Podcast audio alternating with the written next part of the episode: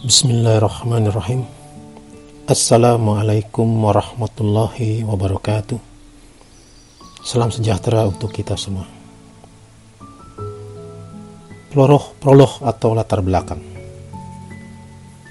Saya sudah mengenal Pak Wardioso selama 20 tahun, sejak tahun 2000 Diawali dengan beliau menjadi komisaris dari dua anak perusahaan Mitsubishi Chemical Corporation atau MCC di Indonesia MCC adalah grup industri kimia terbesar di Jepang dan masuk dalam 10 besar industri kimia dunia. Ini menjadi indikasi pertama saya atas figur seorang Wardioso.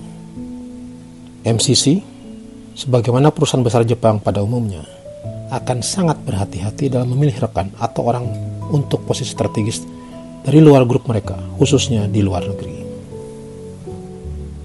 Saat itu saya juga belum lama bergabung dengan MCC dan menjabat sebagai senior manager. Jabatan saya sekarang adalah presiden direktur serta wakil presiden direktur dari dua perusahaan MCC di Indonesia tersebut. Melalui perusahaan yang saya pimpin, MCC tengah merealisasikan proyek strategis baru di Indonesia dengan nilai lebih dari 2 triliun rupiah. Proyek ini targetkan selesai akhir tahun 2021. Produk yang dihasilkan adalah lembaran film polyethylene terephthalate atau PET ultra tipis, salah satu bahan baku kunci dalam pembuatan MLCC atau multi-layer ceramic capacitor, komponen alat keras untuk menunjang teknologi informasi generasi 5 dan 6. Pembahasan buku. Dalam buku autobiografi Pak Wardioso yang berjudul Wardioso Menjaga Asa Industri Kimia, dari desain covernya sudah terlihat bahwa yang menjadi topik utama adalah Pak Wardioso Foto beliau dan nama beliau memenuhi sebagian besar area cover dengan menjaga asa industri kimia sebagai subjudul. Begitu kita mulai membaca buku tersebut, maka semakin jelas arti dari desain cover. Mengenal lebih jauh sosok Wardioso sebagai seorang manusia. Keterlibatan dan kesuksesan beliau dalam membina, membesarkan, serta upaya beliau yang tidak mengenal batas waktu akan keberlanjutan industri kimia di Indonesia hanyalah salah satu konfirmasi akan pribadi seorang Wadioso dalam mengemban tugas beliau. Endorsement di awal buku dari tokoh-tokoh Indonesia semakin meyakinkan pembaca akan tujuan sesungguhnya dari pembuatan buku ini. Sosok Wardioso yang bisa menjadi inspirasi bagi generasi milenial.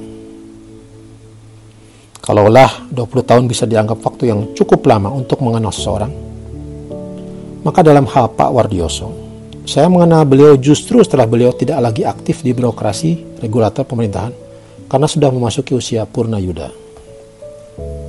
Justru periode inilah yang menunjukkan secara nyata pribadi seorang Wardioso.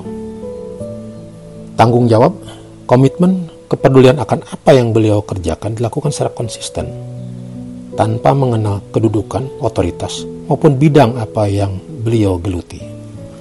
Kita sudah mafum sebagai profesional Salah satu kunci keberhasilan adalah melakukan sesuatu dengan passion atau hasrat. Saya melihat di sosok Pak Wardioso dalam melakukan sesuatu tidak saja dengan passion tetapi dengan compassion. Mungkin tidak ada terjemahan satu kata yang tepat dalam bahasa Indonesia. Yang jelas, mengerjakan sesuatu dengan compassion sudah pasti yang menjadi objek adalah makhluk hidup.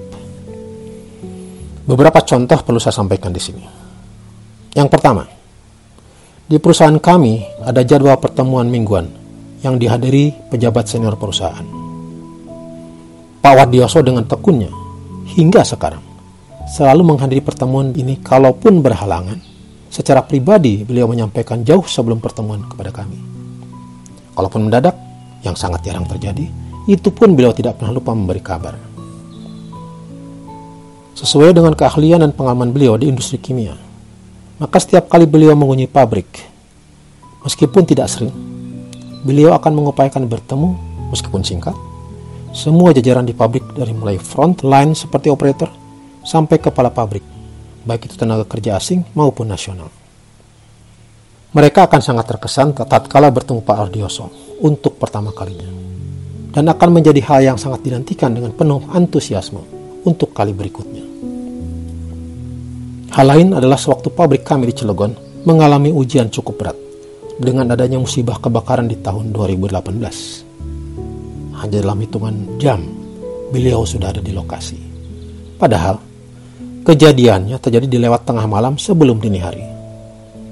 Beliau sebagai komisaris, dan di usia yang untuk orang kebanyakan, sebetulnya tidak harus secara fisik hadir di lokasi, bahkan dengan sangat cepat. Seharian penuh berpanas-panasan di lokasi, sampai kebakaran tersebut bisa diatasi. Turut memberikan saran, berbicara dengan karyawan, dan lain-lain. Ini hanya sedikit contoh dari banyak contoh akan compassion beliau. Karena dalam kandungan compassion terdapat arti kasih sayang, ketulusan, kepedulian, dan empati. Hal-hal yang hanya dapat dirasakan oleh dan dilakukan untuk makhluk hidup. Saya percaya jika seseorang melakukan sesuatu atas dasar compassion, maka dia melakukan hal tersebut tanpa beban, tanpa pamrih, jauh dari egosentris dan kepentingan pribadi. Oleh karena itu, kalau seseorang mengerjakan sesuatu atas dasar compassion, sudah pasti dia mengerjakan hal itu dengan penuh hasrat atau passion. Akan tetapi, apabila seseorang mengerjakan sesuatu atas dasar passion, belum tentu dia mengerjakannya dengan compassion. Selama dua dekade terakhir saya berinteraksi dengan Pak Wardioso, maka saya dapat menyimpulkan bahwa apa yang beliau lakukan yang pada umumnya terkait dengan posisi beliau di perusahaan tidak saja menunjukkan tanggung jawab yang penuh, tetapi lebih dari itu adalah cara beliau melakukannya. Pihak lain yang berinteraksi dengan beliau dapat segera merasa nyaman, ada rasa trust, juga merasa dihargai. Rasa akrab, meskipun baru pertama kali bertemu, bisa segera terlihat. Sehingga apa pun yang beliau sampaikan kepada pihak lain, semua akan diterima dengan sepenuh hati dan pikiran terbuka. Meskipun terkadang itu berupa kritikan. Perlu pula saya sampaikan di sini bahwa perilaku Pak Wardioso seperti yang baru saja saya jelaskan. Beliau lakukan kepada semua orang tanpa membedakan kedudukan, latar belakang sosial, ekonomi, suku, ras, gender maupun agama. Dari hal-hal tersebut di atas menurut saya sebagai seorang muslim, adalah bentuk nyata dari seorang hamba Allah Subhanahu wa taala yang betul-betul mengamalkan ajaran agamanya secara lengkap. Bahwa hidup ini hanyalah untuk ibadah, baik secara vertikal dengan Maha yang Maha Pencipta maupun sesama manusia secara horizontal. Sekaligus menjalankan amanah sebagai pemimpin sesuai dengan kapasitas masing-masing di muka bumi ini dengan memelihara keseimbangan, keberlanjutan, dan keharmonisan hidup berdampingan. Sebagai penutup, hal-hal di atas adalah yang saya alami dan rasakan selama mengenal Pak Wardioso. Tidak bermaksud untuk memberikan pujian yang berlebihan. Sesuai dengan salah satu hadis Rasulullah Shallallahu Alaihi Wasallam, bahwa memuji seseorang secara berlebihan dapat mematahkan tulang punggung orang tersebut. Hadis riwayat Bukhari dan Muslim. Serta yang berhak dipuji dan puji hanyalah Allah Subhanahu wa taala semata. Saya sebenarnya memuji kebesaran Allah Subhanahu wa taala yang telah memberi karunia-Nya terhadap Pak Wardioso. Semoga Allah Subhanahu wa taala memberikan kesehatan serta sisa usia yang penuh keberkahan kepada Pak Wardioso dan Ibu. Salam hormat dari saya Bambang Sastro Satomo. Wassalamualaikum warahmatullahi wabarakatuh.